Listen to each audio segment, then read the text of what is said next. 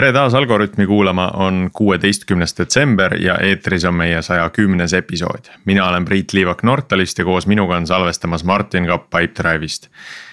taas on meie salvestust väisemas ka juba tuttav Sergei Anikin ja täna on meil episood, mis on äärmiselt pipe, Pipedrive'i keskne me räägime nimelt äh, retrospektiividest ja Eh, teemat aitab meil lahata eh, Pipedrive'ist Toomas Kordemets. tere, Toomas. tere. tere, Sergei ja tere, Martin ka. tere kõigile ja.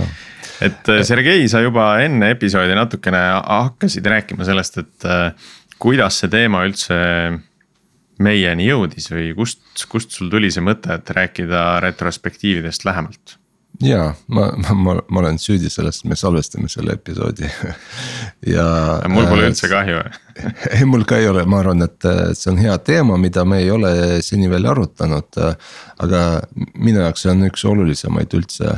Äh, ja kuidas ma jõudsin sinna, ma kuulasin jällegi ühte välismaa podcast'i äh, või noh, ingliskeelset ja seal teemaks oli tegelikult äh, performance management ehk siis äh, äh, noh, kuidas veenduda, et inimesed teevad õiget asju ja õige kiirusega ja õiges järjekorras ja.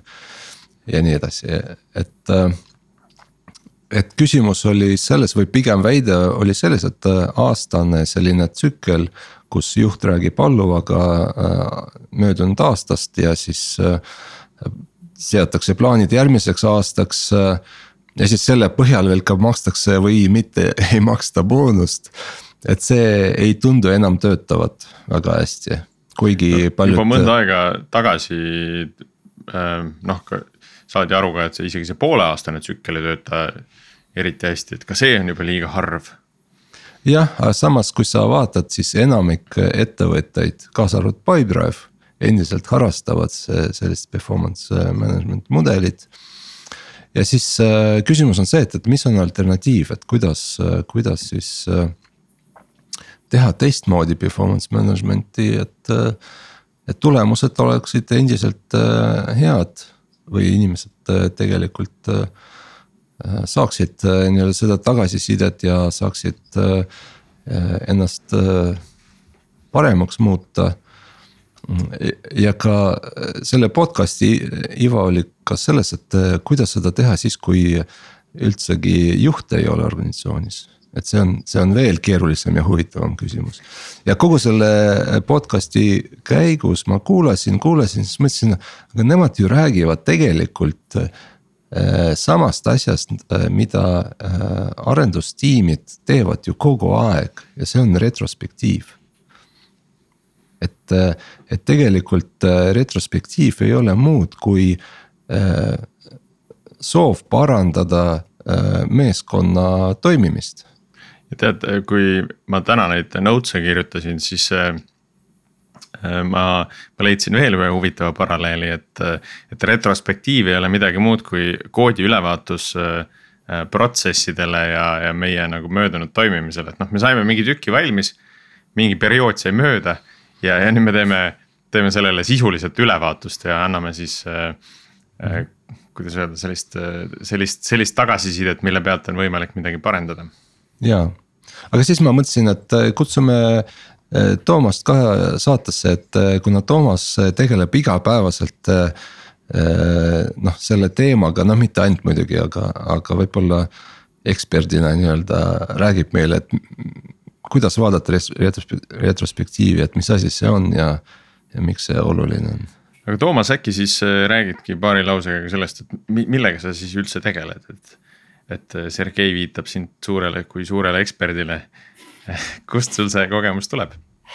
eks ma püüan neid äh, suuri saapaid siis nüüd kuidagi täita.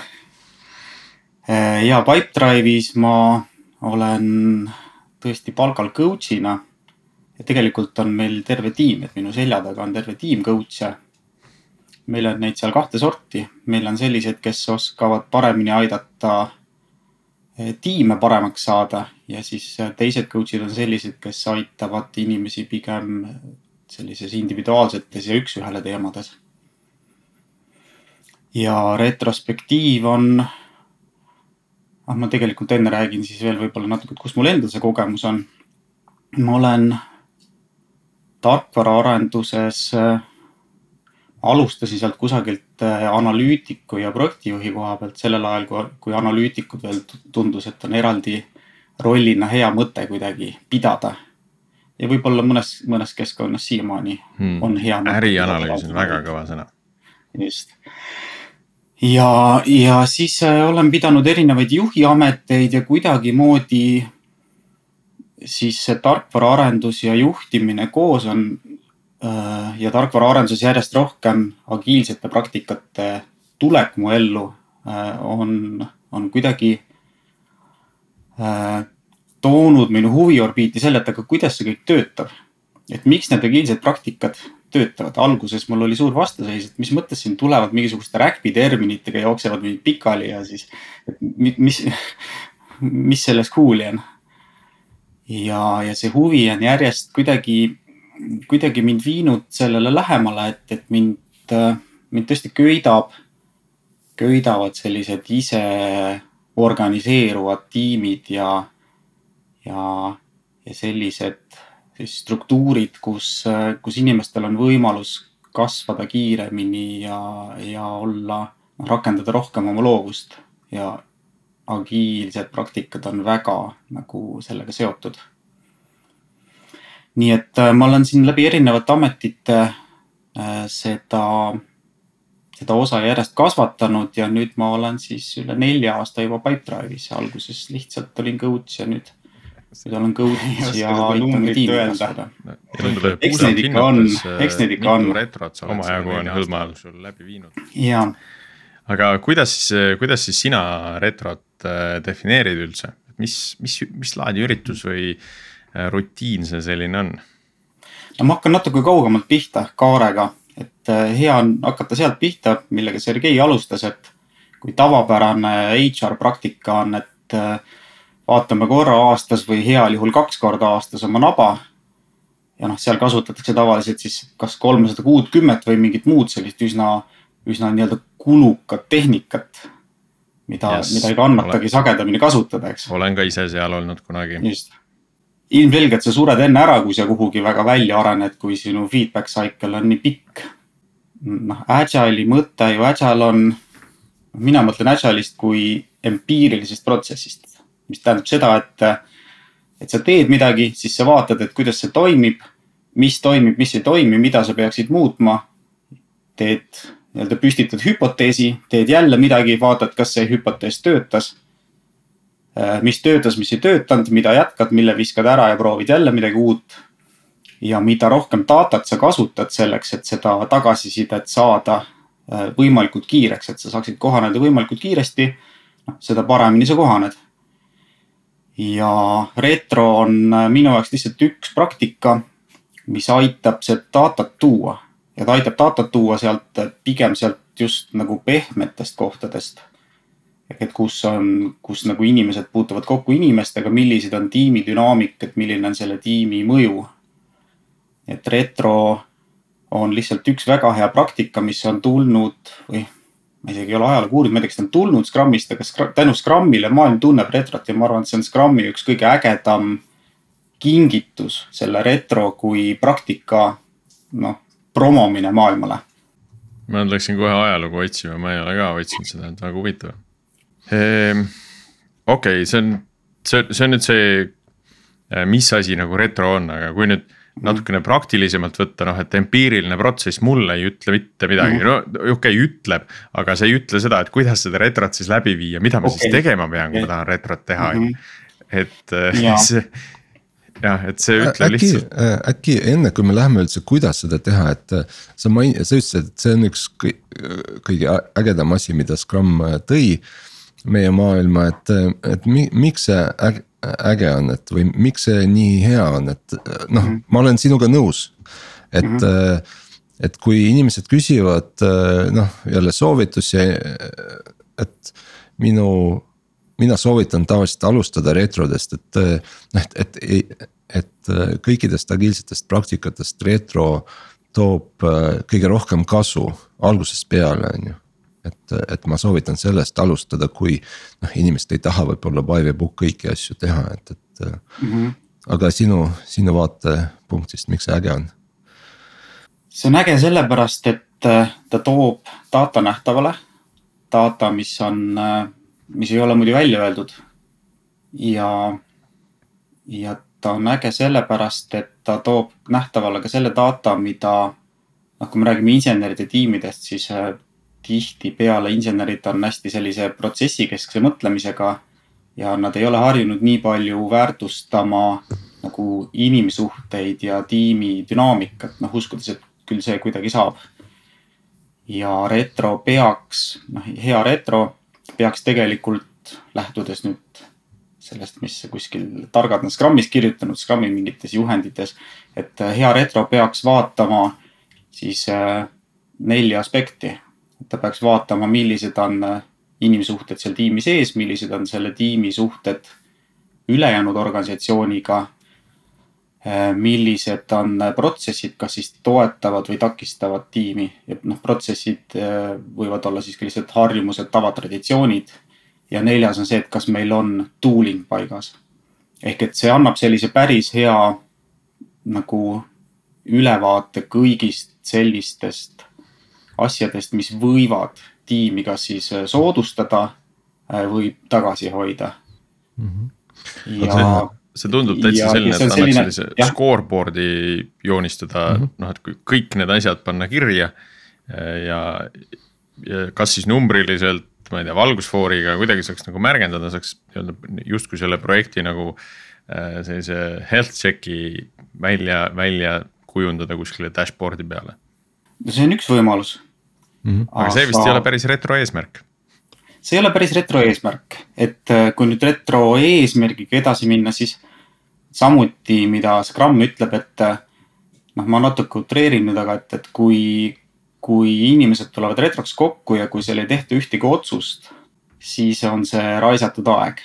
et, et kui sa tuled kokku ja kurdad, et sul on mingid mured, aga sa ei tee ühtegi ühtegi ettepanekut, et aga mida me muudame, mis on see järgmine eksperiment, millega me püüame oma muret ära lahendada. et siis justkui see, see tiimi, tiimiliikmete arv korda üks tund on noh, lihtsalt ära visatud aeg. et äh, ma olen sellega nõus ja ma ei ole sellega nõus. ma olen sellega nõus selles mõttes, et kui tõesti on probleemid ja kui retrost on saanud kas, ma ei tea, raporteerimise vahend või, või lihtsalt selline ventileerimise vahend siis on see halvasti kulutatud aeg ja kui otsuseid, otsustest ikkagi viilitakse. või noh, mis iganes see põhjus on, miks otsuseid ei tehta aga mõnikord ongi kõik hästi. Ja, ja siis on, siis on äh, lihtsalt see arusaamine, et meil praegu ongi hästi, on ka väärtuslik ja tiimi nagu jõustav ma, ma tahtsin äh, paar asja kommenteerida jälle tulles tagasi selle podcast'i juurde, mida ma kuulasin. ja miks mulle tekkis seos äh, retrode, retrospektiividega ja, ja miks see asi, millest, millest seal räägiti, on oluliselt laiem. Et üks asi, kus on seos olemas, nagu sa mainisid, et retro on selleks, et vaadata datale, andmetele otsa. ja arendades seda mõtet edasi. Andmeid ei tohi kasutada selleks, et panna hinnanguid. ütleme nii, et andmed kasutatakse selleks, et aru saada olukorrast ehk jällegi ingliskeelne selline sense making töövahend. ehk aru saada ümbritsevast maailmast, on ju. ja, ja see ja need andmed, nad võivad olla automaatselt korjatud, nad võivad olla ka hinnangulised, ehk inimesed ise äh, tekitavad neid andmeid ja, ja see ongi see äh, viis, et vastata nendele küsimustele, et noh, et kas äh,, kas meie tiim sisemiselt toimib, kas meie tiim äh, so, suhtleb edukalt äh, välise osapooltega, on ju, et. et see on dashboard, aga see dashboard äh, on, on hinnang, inimeste hinnang. ja noh, seal võib natuke täpsemaks ka minna, on ju, et, et mis see tähendab, meie tiim toimib, on ju. noh, et, et kui minna täpsemini, et, et kuidas me tahame, et meie tiim toimiks ja siis igaüks paneb retro alguses näiteks soojenduseks oma hinnangu ja noh, kas valgusfoorina või siis alla ühest viieni, et toimib hästi, ei toimi üldse. et see annab nii-öelda ainet aruteluks, et miks sa niimoodi arvad, on ju -hmm. et, et, et see on see praktika ja seda praktikat nüüd seal podcast'is nimetati confirmation praktika. Ehk eh, kinnitame, et kas me toimetame nii, nagu me tahame. või noh, et nii nagu meid oodatakse või eh, me ei toimi, aga see see nagu ei tähenda, et nüüd eh, me saame hinnet kaks ja boonust ei saa. vaid see tähendab seda, et me nüüd peame sise, noh sisse vaatama, et miks me, me ei tee asju nii, nagu me tahaksime teha. On ju, et, et andmed me aitavad meid nagu vaadata sinna, kus on probleemid aga samal ajal ma, ma natukene vaidlen siin Sergei sinuga, et et ma ei ole kindel, kas see hinnangute andmine seal alguses on ikkagi nagu hea mõte. et kui ma jälle panen selle koodi ülevaatuse siia kõrvale, et ma saan nii mitut erinevat moodi öelda, et ma arvan, et see kood peaks olema äh, efektiivsem. kui öelda, kui alustada sellega, et äh, see kood on halb, see pole efektiivne. Äh, mis, mis sisuliselt ütleb, et noh, meie protsessid on kehvad. me, ma ei tea, ei suhtle piisavalt Versus, et öelda, et meie protsessid, äh, et me peaksime pare-, rohkem suhtlema, et see on see minu hinnang mm. -hmm. no jällegi, et, et küsimus on see, et kuidas sa defineerid, mis on hea, mis on halb. on ju, et, et see on kokkuleppe küsimus ja hiljem lihtsalt äh, me vaatame, et kas meie toimetame vastavalt meie kokkulepetele või mitte. ehk kui noh, et sa võid ka öelda, et tegelikult meil ei olegi kokkulepet ja see ongi probleem, et meil kogu aeg tekivad vaidlused, mis on hea. ehk nagu Toomas ütleb, et action, action point on see kõigepealt kokku leppida, mis on hea. no see sõltub ilmselt ka selle tiimi enda maturity level'ist või küpsusastmest, eks ole, et, et kui see tiim on värske, siis, siis noh, parem on hoiduda nendest hinnangutest, kui see tiim on juba väga küps ja hästi kokku töötanud, noh siis nad võivad teineteisele igasuguseid asju välja öelda, ilma et keegi Eh, väga nagu hinge seda võtaks ja, ja nad saavad aru, mida päriselt selle taga mõeldi, eks ole. just, see on, see on hästi oluline teema, et äh, tahtsingi just tuua sisse, et äh, inimene on selline üsna subjektiivne loom. ja, ja üsna suur osa tema, tema sellisest computing power'ist on tegelikult seal kusagil teadvuse piirist allpool. ja, ja sellepärast äh, on väga raske nagu tuua mingisugust ideaalset, sest et erinevad tiimid noh, moodustavad väga erinevaid selliseid koostöömudeleid, mis, mis võivad olla kõik võrdselt efektiivsed, aga nad on lihtsalt erinevad, sest et tiim koosneb erinevatest inimestest. ja mingisuguseid teemasid lihtsalt, kui tulla selle küsitlemise sotsiomeetria juurde, eks ole, siis mõnikord lihtsalt õige küsimus Äh, avab õige vestluse, et näiteks kõik teavad, noh, võtame siis kasvõi mingisuguse projekti, mis on kusagil poole peal. et äh, tal on mingisugune eesmärk, pool teed on käidud, pool teed on käimata. mingisugune selline hard metrika ei näita mingeid erilisi ohumärke võib-olla. aga kui sa küsid tiimiliikmete käest ühest viieni, mis on sinu tunne praegu, et kas me teeme seda või me ei tee seda sa saad tegelikult väga head insight'id ja kui seal ei ole viis viiest, vaid on kolm viiest ja kui siis edasi minna küsima, et okei okay,, mis sind paneb niimoodi arvama, mis on, mis on see, kus sul nagu, mis sul võtab jala värisema. siis need asjad hakkavad üles tulema, ehk et me tegelikult teame palju rohkem, kui me teame, sest me äh, noh me teeme pidevalt valikuid, mida nagu lubada endale teadvusesse, mis on need asjad, mis toimivad meie sees ka, aga mille me lihtsalt paneme kõrvale, sest noh, mis iganes need põhjused on. ja need õiged küsimused, õiged kasvõi täpipanekud kuskile teljele võivad viia hästi sellistesse õigetesse vestlussuundadesse. et seda esiteks, aga teiseks tõesti, nagu sa Priit ütlesid, hästi oluline on aru saada, et kus see tiim on, sest et tiimid erineval küpsusastmel vajavad hästi erinevaid asju. Et äh, tiimid, kes alles, alles formuleerivad ennast tiimina, neil on, eks ole, vaja et oleks mingisugused standardid, reeglid ja tõenäoliselt kõik püüavad ainult enda sunny side'i näidata tiimid, kes siis hakkavad sealt juba noh, juba natuke julgemalt ennast tundma. ja mida rohkem on sellist psühholoogilist turvalisust neil nagu noh, ümbruskonnas nagu ettevõtte kultuuris. seda kiiremini nad sinna tõenäoliselt jõuavad.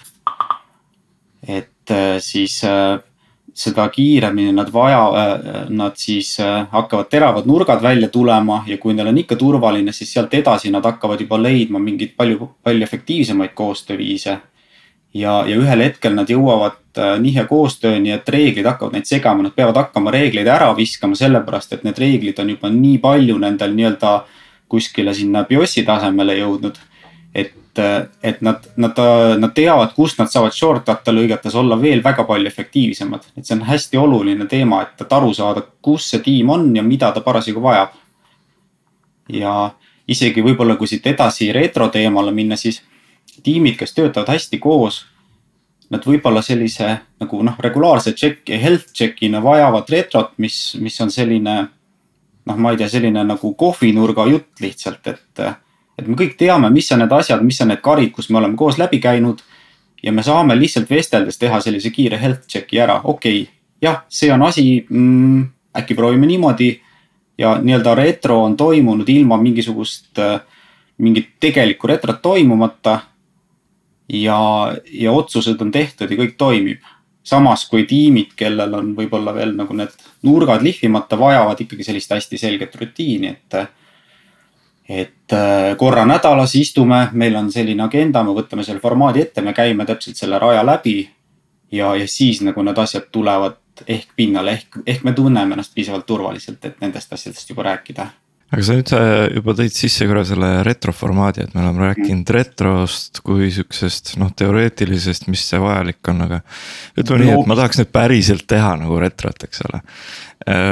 No neid retro formaate on ju, no kui palju neid on, need on ikka päris palju, eks ole. millised on, ütleme sinu soovitused, millised on kõige lihtsamad alustada või, või või kõige efektiivsemad, kui ma tahaks nüüd alustada. enne veel, enne veel too üks näide just hästi kehvast ja. retro formaadist ka. jah, jah, jah, seda ka just hästi kehv retro formaat, noh, me just rääkisime, et nii palju on erinevaid neid mm,. ma olen näinud ühes ettevõttes äh, retro template'i, mis oli hästi reporting'u moodi seal oli kuidagi olid mingisugused sellised sektsioonid, kus pidigi kirjutama mingisuguse sellise analüüsi, et meil on nendega niimoodi, nendega niimoodi, see oli nihuke nagu. nihuke lünktest või kirjand. Äh, mulle see väga ei meeldinud, sellepärast et juba see kandis sõnumit, et me justkui raporteerime tiimist välja, aga retro peaks olema tiimi enda vahend. ja isegi kui just nagu keskkondades, mis on kus on seda üldist turvalisust vähem, öeldakse, et isegi kõik, kes nagu ei ole vahetult selle core, core tiimi osad, peaks nagu koosolekult välja viskama, sest et muidu, muidu on nagu see, et noh, püüame kenad olla, mitte, mitte asjadest rääkida. meil on olnud äh, äh, mõningaid kogemusi sellega, kus on äh, klient retrole kaasatud ja, ja noh, täiesti arusaadavalt see muudab kogu retro seda meeleolu või, või vibe'i, aga teatud juhtudel see on hästi palju ka väärtust loov. ehk siis noh, see on miski, mis ei ole nagu rutiin või, või äh, selline tavapärane retro, eks, et see on kahtlemata teistmoodi retro. aga, aga on tehtud selliseid kõrvaleastumisi natukene sellisest äh, tavapärasest struktuurist ja see on väärtust loonud ka. ja minu peas on samuti äh, retrod, mis on mis on tiimi sellised nagu igapäeva, mis iganes see, see tiimi see südametukse siis on, kas üks nädal näiteks või. et mis on sellised igapäevased ja need retrod peaks olema hästi sellised äh, lihtsad ja kiired ja efektiivsed. et võib-olla kõige lihtsam formaat ongi selline äh, selline kolme küsimuse formaat, mida palju kasutatakse, et äh, mis on hästi, mis on halvasti ja siis see kolmas on äh, seal eri tiimid armastavad erinevad, mõned, mõned ütlevad, see on lihtsalt selline ventileerimise koht, et kus saab lasta välja kõik, mis, mida tahaks veel öelda. ja mõni paneb sinna siis, et, äh, et mis on nagu eriti halvasti ja noh, seal on veel erinevad variandid. või siis, et mida, mis on asjad, mida, kus mul on juba mingi ettepanek paranduse osas. et äh, see on selline noh, siis selline nagu see heartbeat retro. aga kindlasti tuleb kasuks aeg-ajalt teha mingisuguseid sellist suuremat perioodi katvaid retrosid või mingil muul moel äh,. noh, nii-öelda fookuse eesmärgiga retrot, nagu sina tõid välja kliendiga koos retro, sealt tulevad hoopis tõesti mingid teised asjad ja samas klient on... saab ka selle mingi peegelduse, et mis on ja. need probleemid, millega täna tiim tegeleb. just, äh, või siis on, äh, ma ei tea, võtame oma mingi kvartali kokku või võtame, et meil oli siin pikem projekt. võtame nüüd kokku, vaatame terve selle perioodi tagasi, mis me siis nagu sellest õppisime, sest et. Need on erinevad nagu Zoom'i astmed, üks on see, et igapäevaselt ma tegelen rohkem operatiivsega ja ma võib-olla noh, sinna pilti ei tule lihtsalt need detailid, mis on ka õppimist väärt, aga mis puudutavad seda, kuidas me nagu noh, ma ei tea, tegelemegi oma projektidega või mingi sellise suurema asjaga. et, et siis tasub aeg-ajalt tuua, teha siis neid retrosid, millel ongi täiesti oma teistsugune fookuse eesmärk. ja, ja mõnikord on ka see oht, et, et tiimid jäävad sinna sellesse ühte retroformaati, noh, see saab neile nagu nii mugavaks juba, et, et võib-olla nad ei vaata igasse nurka et siis on hea lihtsalt mõnikord lihtsalt selleks, et üles äratada või raputada, tuua sisse lihtsalt noh, ükskõik milline, mingi, mingi hoopis teistsugune retroformaat. kas siis visuaalsem kuidagi või, või teised küsimused või teine protsess või teine, eh, teine fassiliteerija isegi toob teistsuguse vibe'i. kui tavaliselt võib-olla teeb tiim ise. aga nüüd, kui, kui mul selline Pipedrive'i audience siin äh, on ees, et äh, ma küsin, kuidas teie teete, et, et ma saan aru, noh, tiimid tavaliselt teevad ju retrot ise, et ei ole nii, et iga kord, Toomas, sina lähed fassiliteerid seda retrot. Nad teevad ise, aga kui sageli sina näiteks sinna sisse lähed, et, et neid võib-olla natuke edasi aidata või järgmisele tasemele või seda form formaati muuta, et mm, -hmm. et mis mis süsteemiga see käib, kas nemad tulevad sinu juurde, kas sa käid ise regulaarselt nende juures? kuidas, kuidas sa ühest tiimist teise liigud mm? -hmm Äh, ja meil on ju arendajaid palju, meil on kolmesaja arendaja ümber. ja meil on siis kolm, umbes kolm agile coach'i, meil on kaks agile coach'i ja mina siis vahepeal teen ka seda coaching ut. ja, ja me ei jõuakski elu sees igale poole, pole ka mõtet mm. -hmm, just. et, et siis peab võib-olla sammu tagasi astuma ja rääkima, et kuidas me töötame, meil on dünaamilised tiimid, mis tulevad kokku Äh, mingisuguse äriülesande lahendamiseks ja selle tiimi eluiga ongi seal tegelikult kusagil paari kuu ümber, eks ole mm -hmm., poolteist kuud võib-olla, võib-olla kaks poole. kes tahab kuulda missioonitiimidest, otsib üles meie eelmise episoodi sellel teemal ja kuulab, kuulab uuesti üle. just, mida me soovitame ja kus me püüame alati siis, kas mina või teised agile coach'id olla kohal. on siis selle missiooni lõpuretro ja me soovitame teha ka seal missiooni keskel ühe sellise retro, kus on, kus vaadatakse natuke suuremat pilti. ja kus siis äh, meile meeldib olla ka kutsutud. ja see lõpuretro on just selles mõttes äh, oluline, oluline, et äh, mõnikord, kui tiimiliige ise on nagu mitmes rollis, eriti kui on selline nagu suurem retro ja kõik võiks õppida sellest, siis on raske olla samal ajal siis see retro ma ei tea, mis see hea eestikeelne sõna on, fassilitaator on kole sõna, aga ma ei oska mm -hmm. midagi paremat siia panna, selle retrovedaja. et siis ta ise samal ajal tegelikult ei saa väga hästi vaadata. Äh, et mis siis tema sellised õppimiskohad seal olid, nii et kui on keegi, kes sellest äh, tiimist võib-olla isegi väga palju ei tea, tuleb ja lihtsalt hoiab neile seda ruumi ja, ja juhib neid läbi selle retro protsessi. siis on kõigil parem kõigil tiimiliikmetel parem keskenduda sellele, et, et kuidas meil siis läks ja mis me õppisime. et me, me nendel lõpuretrodel oleme noh, hästi, hästi tihti kohal või peaaegu kogu aeg kohal.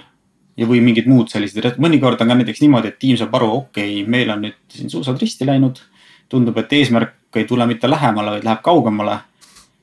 et kas keegi saab tulla ja, ja aidata meil kuidagi sellest puntrast läbi närida mm. -hmm. samuti üsna tihti on tiimid või, või ka mingid suuremad grupid, kes äh, küsivadki, et meil on, tahaks kvartalisse tagasi vaadata või tahaks terve aasta võtta nüüd kokku. Et kas keegi teist saab tulla ja, ja seda ruumi hoida meile. nüüd me oleme sujuvalt jõudnud juba sinna retro tegemise juurde. Ähm, ja sellel teemal küsin ka sinu käest juurde, et, et kuidas sa välise Äh, vaatlejana äh, sinna tiimi piisavalt sisse elada, et just küsida neid äh, häid ja õigeid küsimusi nende käest. et kust, kust, mis sinul selles nii-öelda tööriistakastis on, et, et neid õigeid küsimusi just üles leida? ma kõigepealt püüan kontekstist aru saada ja vajadusest ehk et keegi, kes minu poole pöördub, ma küsin ta käest, et sinu hinnangul, kus te praegu olete? enamasti on see siis see inimene, kes on nagu liidi rollis selles tiimis parasjagu. ma küsin, et kus te praegu olete sinu hinnangul? ja mis on vajadus ja mis te minult ootate? ja siis ma kuulan, siis ma võib-olla küsin veel natuke midagi. Ja siis selle peale tekib tavaliselt juba tunne, et, et sirutada käsi välja ja siis võtta sealt tööriistakastist mingisugune sobiv retro mm. -hmm. palju sul neid on seal? mõned? mul on, mul on, ma arvan, aktiivselt on seal kusagil mingisugune kolm-neli-viis lemmikut, aga doktor Google aitab teinekord tuua väga toredat inspiratsiooni et, noh, ma arvan, ma olen ikka proovinud kümneid erinevaid formaate ja mõnikord on see, et küsimus ei olegi ainult formaadis, vaid küsimus on selles nagu väga täpselt sihitud äh, avavas küsi-, nii-öelda küsimuses.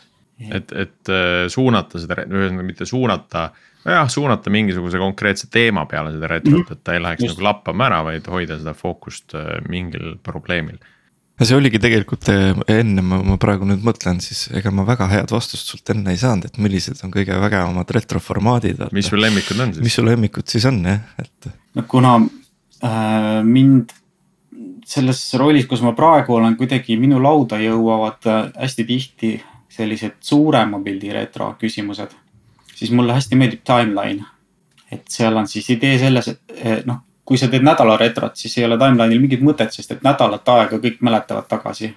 aga kui sa pead äh, vaatama mingisugune kaks kuud tagasi, siis on hästi oluline, et see algaks sellest, et me kõigepealt mängime mälumängu ja map ime kõik sellised äh, sündmused välja koos tiimina, mis, mis meid kuidagi puudutasid, mis meid, äh, meile olulised olid. ja see juba aitab kõigil tuua nagu sellisesse aktiivmällu nii-öelda kogu selle kogemuste nii-öelda jada. ja siis sealt pealt saab hakata juba esitama konkreetseid küsimusi ja, ja vaatama, et mis olid siis need sündmused, mis tõesti tiimi rohkem mõjutasid ja juhtida sealt vestlust. see on mu lemmikformaat isikliku aastase retro jaoks mm, -hmm. ka mitte tööelulise, vaid eraelulise retro jaoks. väga huvitavaid asju tuleb meelde nagu positiivseid asju, et tundub, et vahel tundub, et ei ole nii hea aasta ja siis hakkad meenutama ja neid timeline'i ehitama ja siis avastad, et oh, tegelikult päris palju kihvte asju juhtus, et või, või vastupidi, et. et see, see meenutamine ja aktiivmällu tagasitoomine on, on väga hea harjutus. jah, ja kuna noh, minu, ma ei tea, kas ma tohin seda siin nüüd Sergei kuuldes niimoodi öelda minu, minu äh, agenda on alati inimene, inimese kasv et äh, see Pipedrive on minu jaoks on seal teisel kohal ja alati inimene on esimesel kohal. siis, äh, siis mulle meeldib hästi panna sinna juurde ka äh, seda nii-öelda isiklikku seda engagement line'i, et, et joonistada selline pulss, kus ma siis olin selle aja jooksul. mis on need sündmused nii-öelda, kus, kus ma tundsin, et ma olen noh, nagu hästi kaasas ja kus on need kohad, kus mu motivatsioon kukkus. sest kui seda välja joonistada, see aitab nagu tuua endasse seda teadmist ahah, need on need asjad, mis mind tõesti käivitavad, need on need asjad, mis, mis noh, panevad mind kuidagi eemalduma või, või kuidagi teevad, teevad mu, mu süsteemis midagi, kus mulle ei meeldi olla. Hmm. kas see? sedamööda, kuidas see tarkus nagu igaühe sees kasvab, seda, seda parem tegelikult on see inimene ka noh, enesejuhtimises. ja, ja seega seda parem on ta ka tiimis. ma lõikaks vahele siin, et äh, ma kommenteeriks sinu küsimust, et. et kas tohib rääkida sellest, et sa paned inimese Pipedrive'ist eespool? ma arvan, Sergei ütleb, et just on õige inimene saanud seda rolli täitma, kui sa niimoodi mõtled, et inimene ettepoole panna ja ma tahtsin natuke teisest asjast rääkida, seesama performance'i teema ikka ei anna mulle rahu, on ju, et, et. et ma mingi hetk sõitsin autosse ja mõtlesin, et et kuidas mõõta, et kuidas mõõta või kuidas tõestada, et inimene tegelikult äh, toimetab oma nii-öelda maksimumi lähedal, on ju. et noh, igaühel on oma mingisugune oskused ja, ja noh, me kõik õpime aja jooksul ja eks meie nii-öelda äh, performance paraneb läbi nende oskuste paranemise, on ju. aga see ei tähenda, et ma rakendan neid täie jõuga, on ju aga neid mõjureid on ju nii palju.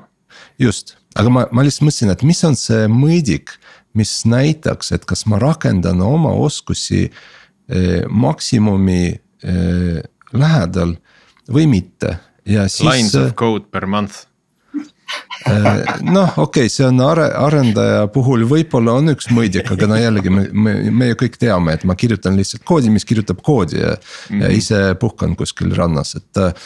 et ma mõtlesin, et eh, engagement, et ma ei teagi, mis see eestikeelne sõna, aga, aga inimese osalemine protsessis eh, ja tema oskused et, et selle kombo on see, mis tegelikult äh, näitab, kas inimene toimetab oma äh, noh, annab endast nii-öelda parima.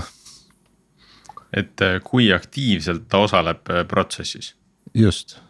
Kuidas sa aktiivsust mõõdad?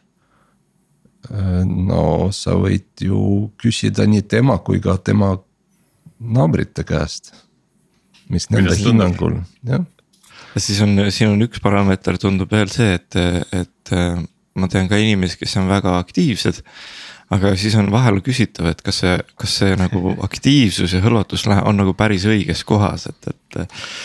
Et aga siis on jälle küsimus, et kas ta ise, äkki ta peaks natuke teist asja tegema või oleme meie andnud talle natuke valed ülesanded või, või? ja no ongi, et, et, et see läheb sinna tagasi, et A, kas ta saab äh, tagasisidet ja B, kas ta noh, oskab eh, noh hinnata olukorda ja et, et kus, kus peab aktiivne olla ja kus ei, ei pea, et see on, taandub ikkagi os oskuste alla minu jaoks, aga kui ta ei ole üldse aktiivne. sul ei ole lootustki tegelikult midagi parandada, noh siis ta ei võta seda tagasisidet ju vastu ja, ja noh et äh, aga, kõik, aga kõik... mida ma, vot mõtlengi selle all, et, et see, seal neid mõjureid on nii palju, et mm, -hmm. et ka see äh, kaasatuse tase või, või Toomas, see, millest sa rääkisid, et mis, mis inimese enda motivatsioon sellel ajajoonel on olnud, eks ole, et ta kaardistab natuke ära, et kus need tõusud ja mõõnad on olnud. et need mõõnad võivad tulla ju hoopis äh, äh, välistest mõjuritest, et mm -hmm. äh, ma ei tea, isiklikus elus mingisugune draama, on ju, mis on seda väga tugevalt mõjutanud. ja, ja ta ei ole ka töö juures kaasatud paraku mm -hmm. sellest, sellest tulenevalt. Ja, ja., seda siis nüüd kuidagi sinna mõõdikusse arvestada on, on äärmiselt keeruline. mina usun seda, et äh, inimene ei ole masin ja inimest ei saa võtta sellise masinalaadselt, mis tähendab äh, muuhulgas ka seda, et see panustamine on varieeruv ja alati subjektiivne. et äh, kui, kui mul on iseendal ootus, et ma suudan iga päev perform ida täpselt samal tasemel, siis ma tegelikult, äh, ma arvan, et võib-olla kaheksal päeval kümnest tegelikult valmistan iseendale pettumuse. et on päevad, kus ma olen väga heas flow's ja on päevad, kus ma ei ole väga heas flow's, võib-olla see ei ole tõesti tööga isegi seotud. võib-olla see on seotud, äh, ma ei tea, millegagi, mis toimub isiklikus elus või kes iganes. ja see on, see on asi, mida on hästi raske mõõta, see on subjektiivne, eks. ja ja parim, mis tegelikult teha saab, on, on lihtsalt, mida inimene ise teha saab, on ka aktsepteerida, et, et see on niimoodi. on päevi, kus mul tuleb ja see võib ollagi nii, et ühel päeval on, olen ma hea ühes ja teisel päeval ma olen hea teises. aga ma usun seda, et, et parim viis seda saavutada on, kui inimene on, kui inimesel on võimalus hästi palju ise juhtida ennast ja valida ise, mida ta teeb kus on see, kus ta näeb arengut, mis on, mis on see, mis teda käivitab. sellega on hästi palju tegelikult see tööõnne teema tegelenud, Eestis on ka mõned inimesed, kes on sel teemal teinud oma, oma koolitöid ja, ja raamatuid kirjutanud. ja noh, üks asi, millest seal ikka räägitakse, on see, et on, et see peaks olema, töö peaks tegema õnnelikuks ja siis eh, skeptikud ütlevad kohe, et aga kui keegi on õnnelik lihtsalt palmi all, siis tuleb see, et et õnne on, eks ole, hedoonilist ehk naudingupõhist ja siis on teine õnn on äh, eudamooniline ehk eesmärgipõhine õnn. ja noh, eks see on jälle seotud ka selle värbamise, see on seotud psühholoogilise turvalisusega, aga ka sellise värbamise nii-öelda otsustega. et äh, selliseid ägedaid, dünaamilisi ja ise palju vastutust võtvat ja autonoomiat võtvaid tiime saab ehitada inimestest, kelle jaoks see äh, eesmärgipõhine õnn on nagu kõrgel kohal nende väärtuste süsteemis. ja kui need inimesed on tiimis, mis, mis toetab neid ja keskkonnas, mis toetab neid ja ei takista neid. ja neil on olemas piisavad tööriistad selleks, et saavutada, siis ma usun seda, et enamus inimesi noh, tiksub kogu aeg oma, oma hetke, hetke sellise nagu maksimumi lähedal ja on alati huvitatud, kuidas õppida veel rohkem ja kuidas kasvada veel rohkem muidugi seesama, et siia tegelikult tuleb see Sergei mõte ka ju siis see, et see algus, mis see et kui sa paned isegi selle kõvera sinna peale, eks ole, üles-alla lained oma, oma selle äh, aktiivsuse kohta, et siis. siis tõesti, see on lihtsalt see, mis ta toob nagu nähtavale, et sa saad ise aru, eks ole, et. too hetk ma olingi aktiivne, sellepärast võib-olla kõik kulgeski hästi ja siin oli nagu madalam. ja noh, oli madalam, mis sa teed, aga see selgitab, miks võib-olla asjad nii hästi ei sujunud, eks ole, et. Ja päeva lõpuks sa ei saa ju kogu aeg sisse hingata, sa pead hingama sisse, sa pead hingama välja sa ei saa olla kogu aeg happy, sest see lihtsalt ei tööta niimoodi. ja, ja siis äh, tekib küsimus, et okei okay,, et inimesed on äh, on nii keerulised et, et kuidas saab üldse juhtida sellist äh, keskkonda, on ju, mis on nii keeruline või noh, nagu komplitseeritud, nagu me rääkisime ka, ka Nevinist on ju, et. Ja noh, mina mõtlen siin tegelikult ka noh, spordi või võistlustiimide peale, et seal on ju täpselt samamoodi, iga võistlus on erinev, on ju, et, et üks on vigastatud, teine. noh, võib-olla ei ole oma tippvormis ja siis selle treeneri eesmärk ju tegelikult seda kuidagi ära siluda, et tal on noh, valik inimesi ja noh, igaüks on omas hetkes ja, ja treener on see, kes, kes peab selle võitja meeskonna kokku panema nendest valikutest ja sellepärast see pink peab olema piisavalt nagu pikk, et noh, oleks valikuid ja, ja see taandub tagasi küsimusele, okei okay,, et, et milline on see äh, meeskond, mis äh, noh, mis suudab äh, jätkusuutlikult võita mitte see, kellel on mingisugune viis tippmeest, vaid äh, see, kellel on piisavalt pikk pink Äh, see on minu väide. Äh, ja, ja, ja noh, siis selle peale mõni finantsjuht küsib, aga aga see ei ole ju efektiivne, et sul on nii palju inimesi pingil on, aga, aga siin ongi küsimus, et kas sa tahad korraks võita või sa tahad võita. Noh, mitu võistlust või mitu aastat nagu järjest. treeneril peab olema hea silm, et, et näha, noh, treener ei mõtle ju ühe võistluse perspektiivis, nagu sa ütlesid, treeneril peab olema hea silm ka näha, et näha millised on äh, tiimiliikmete potentsiaalid, et, äh, et lihtsalt toetada seda, et nad saaks veel rohkem kasvada oma potentsiaali suunas. aga Toomas, tuleme tagasi retrode juurde ja sinu tööriistakasti, et sa rääkisid sellest äh, pika retro formaadist mm, -hmm. mis on sinu lemmik, võtame ühe lühikese ka, et, et millist, millist formaati sa seal eelistad kasutada?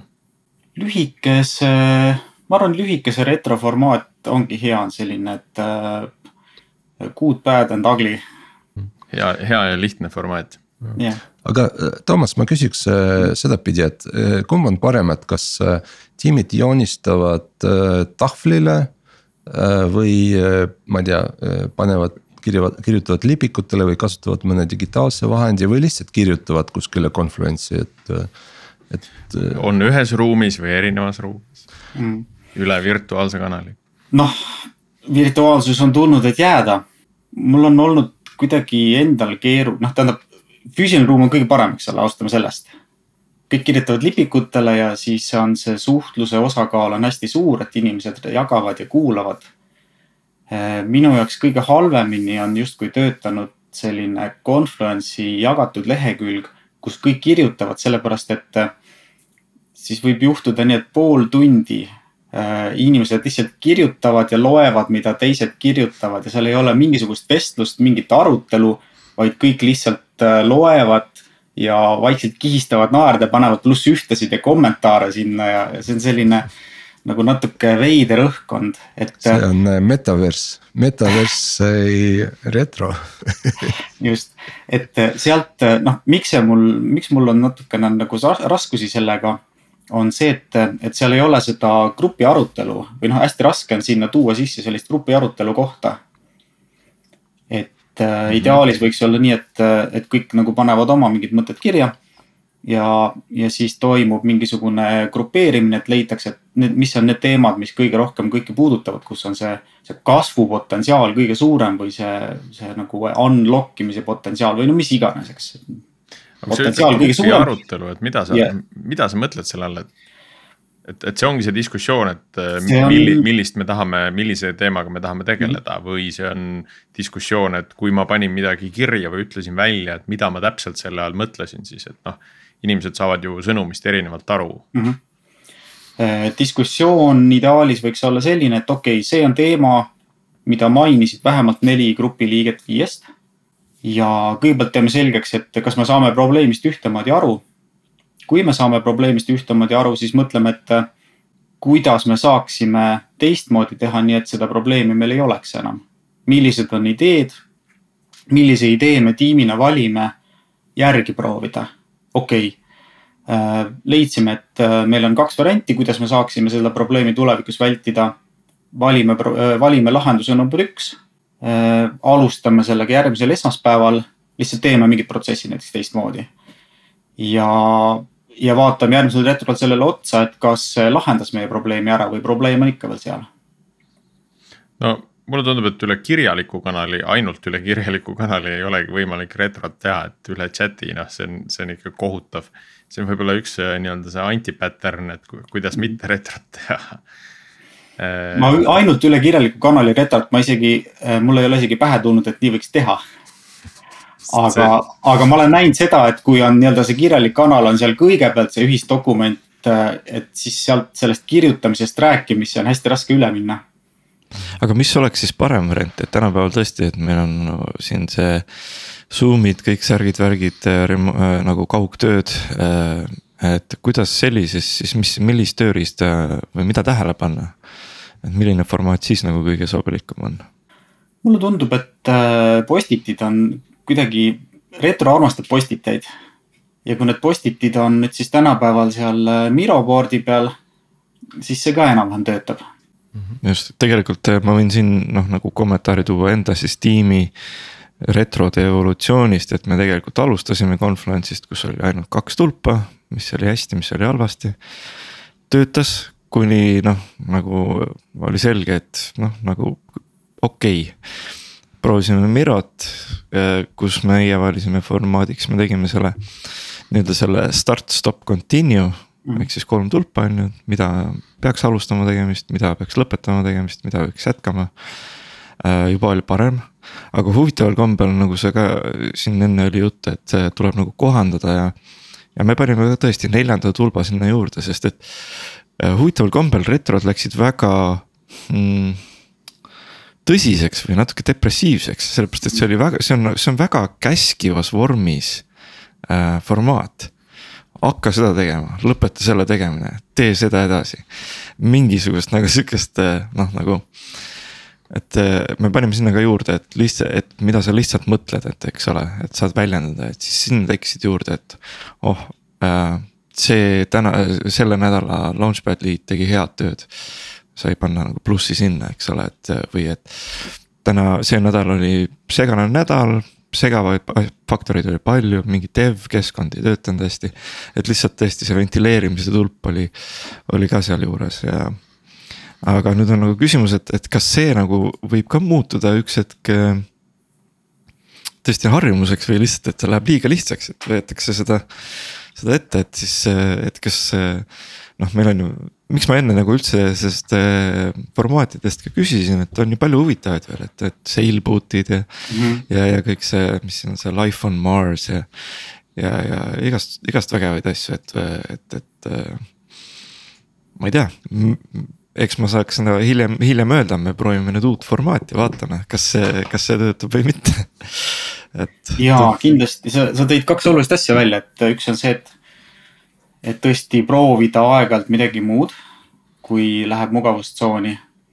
ja mulle meeldib ka sailboat'i aeg-ajalt tuua, sest mõnikord on mõnus, kui, kui äh, kuidagi asjad on abstraktsed, kui ei ole see väga purjekas, selged küsimused. see purjekas on nüüd äh, pigem sellise natuke pikema retro äh, formaat, eks ole, et kui me vaatame karisid, noh, see mm. -hmm. ja tuul, mis meid aitab edasi, eks ole, mis see Palmisaar, noh Palmisaar on juba nagu pikem visioon, eks ole. ja, ja et ta nagu nädala retroks on jah, natukene liiga võib-olla pikk.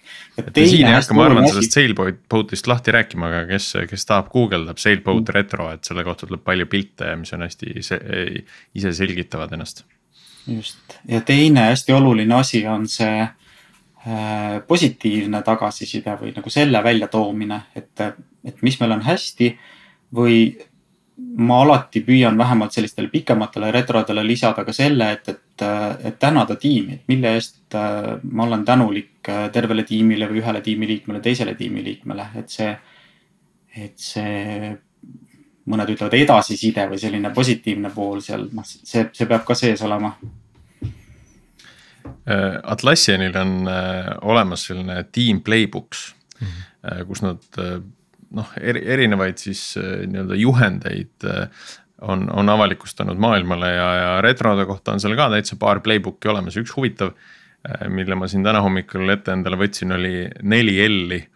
ehk siis loved, loathed, loathed, et mis siis nagu, mida ma ei sallinud üldse. Longed for, et mida ma igatsesin ja learned, et mida ma õppisin, on ju.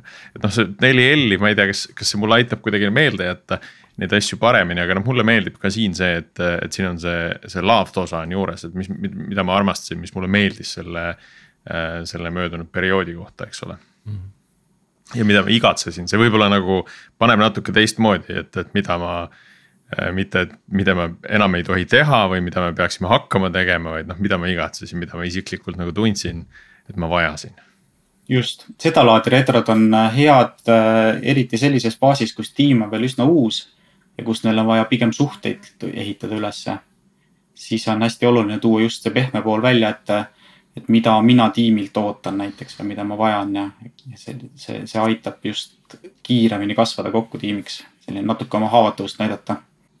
muidugi üks asi, mis, ma just mõtlesin, et mis on selle füüsilise või toas tahvlil tegemise retro nagu üks tore osa ongi siis nagu sa mainisid, see grupeerimine, et tegelikult Scrumi järgi, eks ole, kõik peaks minema, siis lähevad sinna tahvli juurde ja üritavad neid gruppe moodustada, eks ole, see on nüüd küll asi, mis. mis ma ei ole näinud, et see üle interneti väga hästi toimiks, et kui seal minu board'is. see ikka läheb üsna kaoseks, läheks ära, eks ole, et. et, et kas siin on ka mingisuguseid võib-olla häid pattern eid, et kuidas sellist koostööd soodustada veel või, või noh, üle kõne, eks ole, hääled lähevad sassi, kõik läheb nagu segaseks, et, et. siin on võib-olla kaost rohkem pärast, kui, kui nagu kasulikku äh.... ja see kuidagi sõltub tiimist, et äh, mõnes tiimis on suhteliselt lihtne seda hoida. et äh, ongi sellised hästi organiseeritud ja struktuurselt mõtlevad inimesed koos ja siis need grupeeringud ja asjad kuidagi juhtuvad täitsa ise. ja mõnes tiimis ongi keeruline ja ma ei, ma ei teagi, mis see, hea lahendus siin on. aga ma tegelikult tahaks korra jagada ka kogemust, me ju Pipedrive'is katsetasime mingisuguse Confluence'i pluginaga, mis andis hästi jäiga struktuuri retrole. Eh, seal oligi siis niimoodi, et kõigepealt listi oma probleemid, siis on grupeerimine ja need olid noh, selles mõttes oli hea, et kõik panid oma need asjad kirja ja neid ei avatud enne teistele, et ei saanud lugeda teiste asju. grupeerimise faasis sa nägid, siis oli vote imine, et mis on asjad, mis saavad rohkem hääli ja siis otsuste tegemine. et nagu sellise ideaalse retro flow õpetamise mõttes oli see ideaalne tööriist. aga noh, esiteks ta oli natuke bugine ja teiseks reaalne elu näitas, et tihti see oli ikkagi liiga jäik, seal oli raske samme skip ida ja see kippus tootma hästi palju datat, millest lõppkokkuvõttes noh, kasutati noh, aruteludel ainult mingisugust viit protsenti, kümmet protsenti, nii et lõppkokkuvõttes see tundus ikkagi nagu jäik ja ahistav, et me seda enam ei kasuta nii palju. et, et seal see nagu see väike voolavus on abiks, sest noh, alati asi võib minna nii ja võib minna natuke naa aga, aga selleks, et õppida sellist ideaalset retroflow'd, noh mingil hetkel mulle tundub, et ta nagu oli omal kohal. et oluline on teha ka retrole retrosid. just tahtsin täpselt sama asja öelda. peale vaadata, et, et noh, et me teeme seda juba nüüd mõnda aega, kuidas see töötab? see on hästi oluline, ma, ma tahtsin veel ühe teise aspekti tuua jällegi oma nii-öelda juhi äh, perspektiivist. Äh, see on, see hästi palju sõltub ettevõtte kultuurist ilmselt, et kui, kui läbipaistev ta on ja kui nii-öelda, kas ta on orienteeritud nii-öelda kasvule ja inimeste kasvule Äh, või, või ta pigem noh, selline klassikaline hierarhiline ja võib-olla natuke rohkem künar, küünarnukkide puutusi ja töötamist, on ju, et, et aga, aga mida meie vähemalt alguses proovisime teha, et nüüd vist kõik tiimid seda väga ei harrasta, aga, aga äh, me proovisime teha need retrospektiivide tulemust või arutelusid äh, kõigile nähtavaks. Et kõik teised tiimid ja ka teised osakonnad näeksid, mida noh, tiim on arutanud ja mis nende probleemid on ja noh, mida nad, kuidas nad plaanivad neid lahendada. see oli, see oli siis eesmärgiga sellist koostööd tekitada või ära, ära ütleme märkamist tekitada või? et äh, keegi no, paneb mit... tähele, et oh, meil oli sama probleem, et me tegime niimoodi, eks. Äh, koostöö või siis äh, äh, see andis tegelikult sellist head äh, jällegi tunnet, et, et äh, kuidas ettevõttelt, ettevõttel üldiselt, kuidas nendel tiimidel üldiselt läheb, on ju üks, äh, huvitav näide, et, et inimesed, äh, kui nad teavad, et, et teised inimesed äh, loevad seda, on ju, et siis nad võivad läbi seda retrot saata sõnumit. et sõnumid. ja, et noh, jällegi see võib-olla muudab selle sisemise nagu seda äh, arutelu noh, pea peale, on ju, aga noh, see, see on sama, sama case nagu kutsuda klient sinna kohale, on ju, et, et. et teha ka nagu retro väljapoole, mitte nagu sissepoole. aga üks eh, huvitav näide, mis sealt tulnud, see oli hästi ammu tegelikult. Eh, võib-olla aasta kaks tuhat neliteist või viisteist.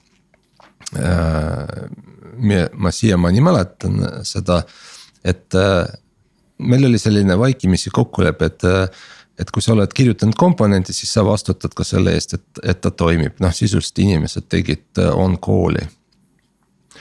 ja see oli vaikimisi kokkulepe, meil ei olnud seda lepingus äh, äh,. ja, ja mingi hetk meil siis läks üks äh, teenus äh,. ühesõnaga mitu asja äh, juhtus korraga, üks teenus läks maha ja oli maas kaheksa tundi. Keegi ei märganud, noh intsident peab lahendama ja samal ajal üks, ühe teise tiimi retrol üks arendaja äh, kirjutas äh, probleemi, et näed, mina pean on-call'is olema, aga seda ei kompenseerita, on ju. ja noh, see oli lihtsalt noh, muidu kirjutatud see nagu sihuke ventimise koht, on ju ja siis noh, kuna ma lugesin kõiki retrosid, siis ma sain aru, et tegelikult see ongi probleem, et meil noh, kuni sul see kokkulepe on vaikimisi ja sa ei kompenseeri selle eest, siis sul võivadki juhtuda sellised nii-öelda kaheksatunnised downtime'id, sest. Mm, noh, et, et seda kokkulepet peabki nüüd, see on õige aeg formaliseerida, formaliseerida seda ja. ja see andis nagu hästi tugeva signaali ja, ja ma arvan, et et on ka teisi signaale nii-öelda läbi retrosid on tulnud, mis sundisid meid mingid asjad ära muutma. et on väärtust selle, selle retromaterjali jagamises. siin peab ka nüüd silmas pidama, et kui palju ja mida jagada, eks ole aga, aga teatud väärtus selles on. et see on jah, selline risk, mis mõnikord õigustab ennast hästi. see eeldab seda, et on äh, selline üldine turvatunne on ettevõttes suur, et nagu noh, usaldus, et, et ma tohin rääkida asjadest. kui seda ei ole, siis, äh, siis hakatakse retros asju varjama, kui retrod on avalikud. see, see sõltub hästi sellest keskkonnast. aga kui on selline turvatunne olemas, siis see võimaldab ju teistel õppida ka teiste vigadest ja, ja on igati tore. muidugi paraku on siin ka juures. kahju natuke sorry, Martin, ütle. jah, jah, räägi ära ei, ma ütlesin, mul on vahel isegi natuke kahju, et mul ei ole seda kogemust äh, sellisest keskkonnast, kus äh, ma ei julgeks midagi välja öelda, sest. ma kardan, et keegi hakkab mind, ma ei tea, kiusama või mind lastakse lahti või. noh, et ma lihtsalt ei saa aru nagu sellest probleemist. ma, ma tean, ma saan aru sellest, et selliseid keskkondi on olemas. aga ma ise ei kujuta seda ette lihtsalt ma, arvan, et võib-olla jällegi noh, see, see on küsimus on see, et kui, kui sügavale su usaldus läheb, on ju, et sa ei, sa ei räägi päri-, noh, et ilmselt ikkagi sa ei räägi kõiki asju, on ju. et, et noh, mida suurem usaldus, seda sügavamale sa saad minna, on ju, noh nendesse aruteludes, et, et noh ütleme nii, et. jah, ütleme nii, arvestades minu staaži, et siis see usaldus on juba päris nagu korralik, et me see ilmselt mängib ka oma rolli natukene. siin, siin kindlasti mängib rolli jah sinu staatus ka ja, ja, ja seda äh, juhid peavad ka arvestama, et kui nemad tulevad tiimi retrole, siis see dünaamika on hoopis teine. Äh, et äh, ja juhid ise ei pruugi sellest üldse aru saada, et, et, et see on see väljend, et, et entitled people don't understand their entitlement, et need nii-öelda inimesed, kellel on mingisugune õigus, nad ei saa aru. noh, et miks teised inimesed nagu käituvad teistmoodi, sest noh, lihtsalt see staatuse vahe, nad ei, nad ei saa staatuse vahest aru. no seda enam on oluline retrode formaati muuta mis juba annab nagu vähemalt teatud inimestele äkki selle ülevaate, et kuulge, eelmine retro oli hoopis teistsugune, mis toimub. Äh, võib-olla need inimesed siis julgevad ka natukene äh, kätt tõsta või kellelegi märku anda, et kuule. Äh, noh, ma ei tea, äkki teeme tiimi kesksemana hoopis rohkem, sest see on väärtuslikum ja nii edasi, et see formaadi muutmine on oluline nii, aga nüüd me oleme siin juba tunnike retrodest rääkinud ja, ja ma arvan, et on tänasel episoodil aeg joon alla tõmmata Äh, aitäh sulle, Toomas, osalemast, äh, aitäh, Sergei, et selle teema lauda tõid. Äh, aitäh ka meie kuulajatele, aitäh Martinile. Sergei, kas sa siia lõppu veel viskad ka selle podcast'i, mida sa siis kuulasid? sest mulle tundub, et see on see kohe see küsimus, et mis meie kuulajatelt tuleb, sest see on ainuke saladus, mis tänasest episoodist õhku jäi. oot, oot, oot, oot, nüüd ma pean selle üles otsima me võime kokku leppida, et me paneme selle sinna, sinna näiteks Notesidesse. Facebooki postituse alla kommentaari, et äh, ja. mis see siis, mis see siis oli, kust see teema tekkis ja kutsun ka üles meie kuulajaid sinna kommenteerima. Jagama näiteks erinevaid retroformaate, mida nad kasutanud on või siis äh, Ehm, ka niisama häid lugusid, mis siis, mis siis retrodest äh, äh, on sündinud. ja jääme kuulmiseni järgmisel nädalal.